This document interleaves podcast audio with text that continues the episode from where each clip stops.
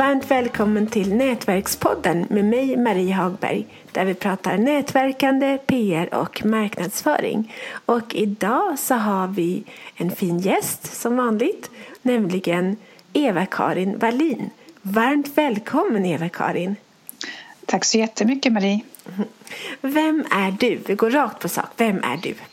Ja, vem är jag? Alltid den svåra frågan att se vad, vad ska jag säga? Men jag kan säga så här. Jag bor i Södertälje. Jag har fem barn, två barnbarn. Jag har jobbat med coaching sedan 2001 och det som jag tycker är lite kul är att när jag blev klar eh, färdig coach så kom jag ut i en verklighet där ingen vet vad coaching är och jag kan inte sälja. Jag kände det verkligen som att säljare var ett släkte för sig, som en hemlig klubb där jag inte var välkommen. Jag fattade inte hur man gjorde. Så det enda sättet jag kunde sälja coaching på det var att ge bort gratis sessioner. Men jag tog hjälp av en amerikansk business coach som på 45 minuter lärde mig grunderna som jag fortfarande använder idag. Och det är så skönt att jag tog det klivet, eller det valet att lära mig sälj och marknadsföring. Jag har också varit ute och nätverkat väldigt mycket under mina dagar och eh, under några år så var det alltid jättemånga coacher när jag var ute och nätverkade. Det är det inte längre. Och vad jag vet så vet jag att det var många som istället för att lära sig marknadsföring så lärde de sig mer om coaching eller andra liknande saker. Och eh, du, kan du inte sälja så har du ingen verksamhet. Nej. Så jag tror inte de är kvar idag. Nej, säkert, säkert är det så. Men, och, men apropå det så har du ju faktiskt, nej, man kan ju inte, man måste ju kunna sälja. Men apropå det så har du ju faktiskt skrivit en bok också om marknadsföring. Och du har en till bok på gång. Jajamän. Ja, min första bok, eh, det var ett litet experiment kan man säga. Eh, gör marknadsföring enklare, försäljning roligare. Så att det var liksom mitt så här, trevande steg ut sådär. Sen så råkade jag skriva en annan bok. Det var inte planerat utan det råkade bli. Därför att jag gjorde en intervjuserie, jag vet inte ens varifrån jag fick idén, det kommer jag inte ihåg. Om att skriva en bok, fackbok. Och då, skulle, då summerade jag ner eh, viktiga bitar från det som de experterna sa. Satte det i bokform, fyllde på själv med marknadsföring så det blev Boosta ditt företag med en bok. Men, så det var väl uppvärmningen till den boken som snart kommer ut nu som heter Tanken har ingen kraft. Och den är väl den som kommer att beskriva det som jag står för idag. Jag är ingen expert på bokskrivande så att jag kan hjälpa andra. Men, eh, men det här är väl om man säger mitt stora visitkort. Då, då. Tanken har ingen kraft. Mm. Mm. Och vad, men vad innebär det? Berätta mer om att tanken har ingen kraft. Ja, jag är lite allergisk när folk säger så här, ja men du blir som du tänker och så där. Ja, men tanken i sig har inte så mycket kraft. För tänk så många gånger som du har tänkt göra saker som aldrig blev av. Alltså det är liksom, alla kan känna igen sig där. Ja. Och tänk så många gånger som man har gjort saker även om det inte var så smart. Man vet samtidigt som man gör att det här är egentligen inte bra men jag kan inte låta bli.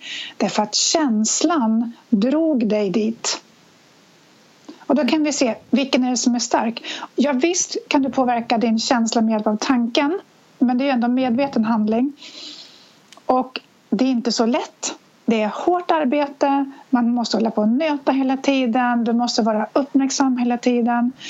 Det är tufft. Men det som jag gör det är att jag hjälper mina kunder att gå den andra vägen. Att fokusera på känslan, transformera den först.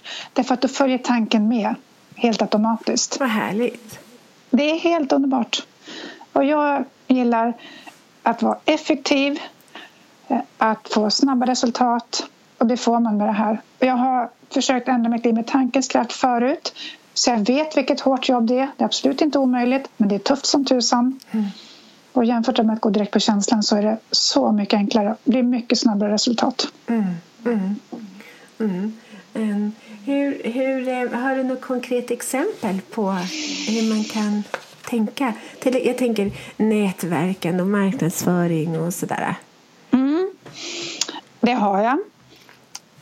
Det som, som...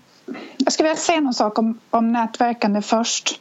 Och det är att eh, många, jag har varit nätverkat mycket och det som jag ser som misstag som många gör är att man blir inbjuden till ett nätverksmöte och så tror man att det betyder att här finns en massa personer som har pengar i plånboken och redo att köpa.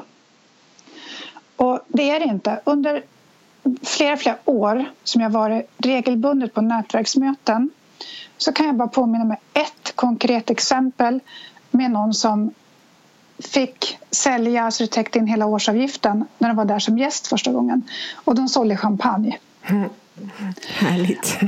ja, och det kan man förstå att, de, att det var lättsålt för dem. Men eh, för, för de allra flesta så är det inte lika lättsålt. Det handlar om relationer. Så man tänker sig att nätverkande det går ut på att man ska gå dit och skapa nya kontakter som man lär känna. Och när man lär känna varandra, lita på varandra, det är då som affärer kan uppstå. Kanske inte till den personen som är med i nätverksmötet men kanske någon i hans eller hennes nätverk. Mm.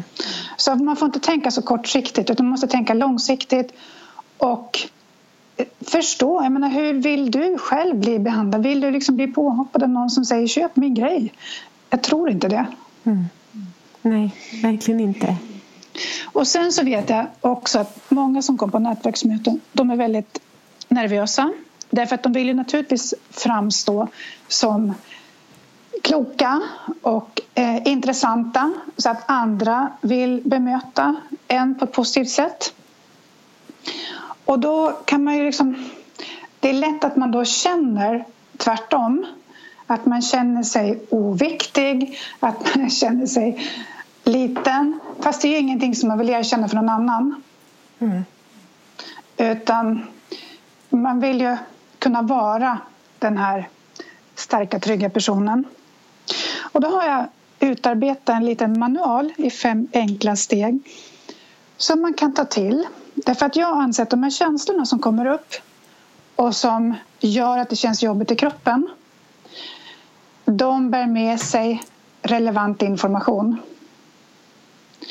Det de flesta människorna gör när det kommer upp jobbiga känslor det är att vi antingen flyr ifrån dem, dövar oss på olika sätt eller drunknar i dem och tror att de är sanna.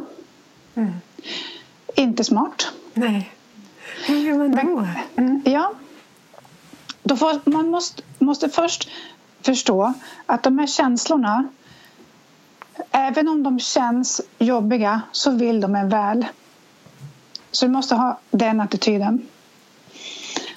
Så låt oss säga att du kommer till ett nätverksmöte och så ser du hur alla andra har någon att prata med men inte du. Det är inte så kul. Nej. Alla ser att du är ointressant, ensam, ingen vill vara med dig. Åh, gud vad jobbigt. Så första steget, då får man tänka, vad händer i mig nu?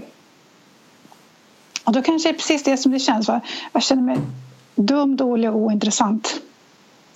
Jaha. får man komma ihåg, det är inte hundra procent av mig som känner så men det är en del av mig som känner så här. Och så sa jag att den bär med sig information. Så nästa fråga. Vad är min begränsande tanke om mig själv som skapar den här känslan? Och om man då har kunnat läsa av känslan som säger att jag är ointressant, att det är det som ligger i botten så ser man att en del av mig tror att jag är ointressant. Och när du har konstaterat det här, du kommer till steg tre. Jag känner mig ointressant. Vad får det mig att längta efter? Ja, förmodligen att känna mig intressant. Att andra ska uppfatta mig som intressant och att jag själv ska tycka att jag är intressant. Steg nummer fyra. Nu är det dags att skicka tacksamhet till den här jobbiga känslan som dök upp. Som hjälpte mig att bli medveten om vilken begränsande tanke som jag har om mig själv. Och när jag kan skicka tacksamhet till den här jobbiga känslan då kommer den att släppa taget om mig. Men, men hur ska man komma ihåg allt det här när man står på det där nätverksmötet? Ja, du, du, får lyssna på den här podden och skriva ner de här stegen. Jag ska summera dem alldeles strax. Så steg nummer fem. Vad inspireras jag till att göra? För nu kan du få budskap från en, en smart del av dig själv. Somliga kallar det för intuition. När du kan skicka tacksamhet som är känslan släpper taget om dig så att du hamnar i balans. och Du kanske fortfarande står där alldeles ensam. Men kan du få till det så att du känner dig i balans där så ställ frågan hmm, vad inspireras jag till att göra? Och då kanske du går fram till någon. Du känner ah, den där skulle jag vilja prata med. Och så går du fram dit och eftersom nu, du nu känner dig skön, avslappnad, fin så kommer du ge ett helt annat intryck än nyss när du ska försöka leva upp till någonting som du faktiskt inte känner. Mm. Vilket kommer skapa mycket, mycket bättre resultat för dig. Mm. Mm. Helt sant. Så jag ska summera de här fem stegen. Nummer ett, vad händer i mig? Nummer två, vad är min begränsande tanke? Nummer tre, vad får den mig att längta efter? Nummer fyra, tacksamhet.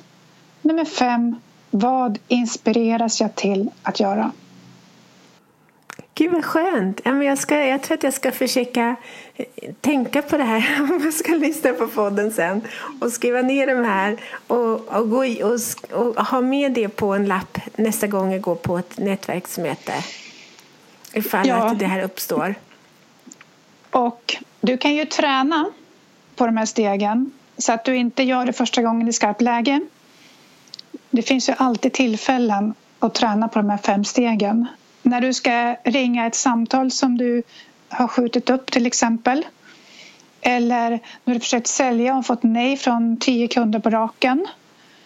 Det finns en massa tillfällen när de här känslorna dyker upp. Mm. Det som jag tycker är så sjukt det är att det pratas väldigt lite om det här i affärssammanhang. Mm. Och ändå så är det mer än 90 procent av det som vi gör, de resultat som vi får som styrs av vårt undermedvetna. Jaha. Och vi tror att vi har koll på läget.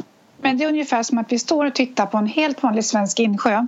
Den, många sjöar är så små så vi tycker oss se hela sjön.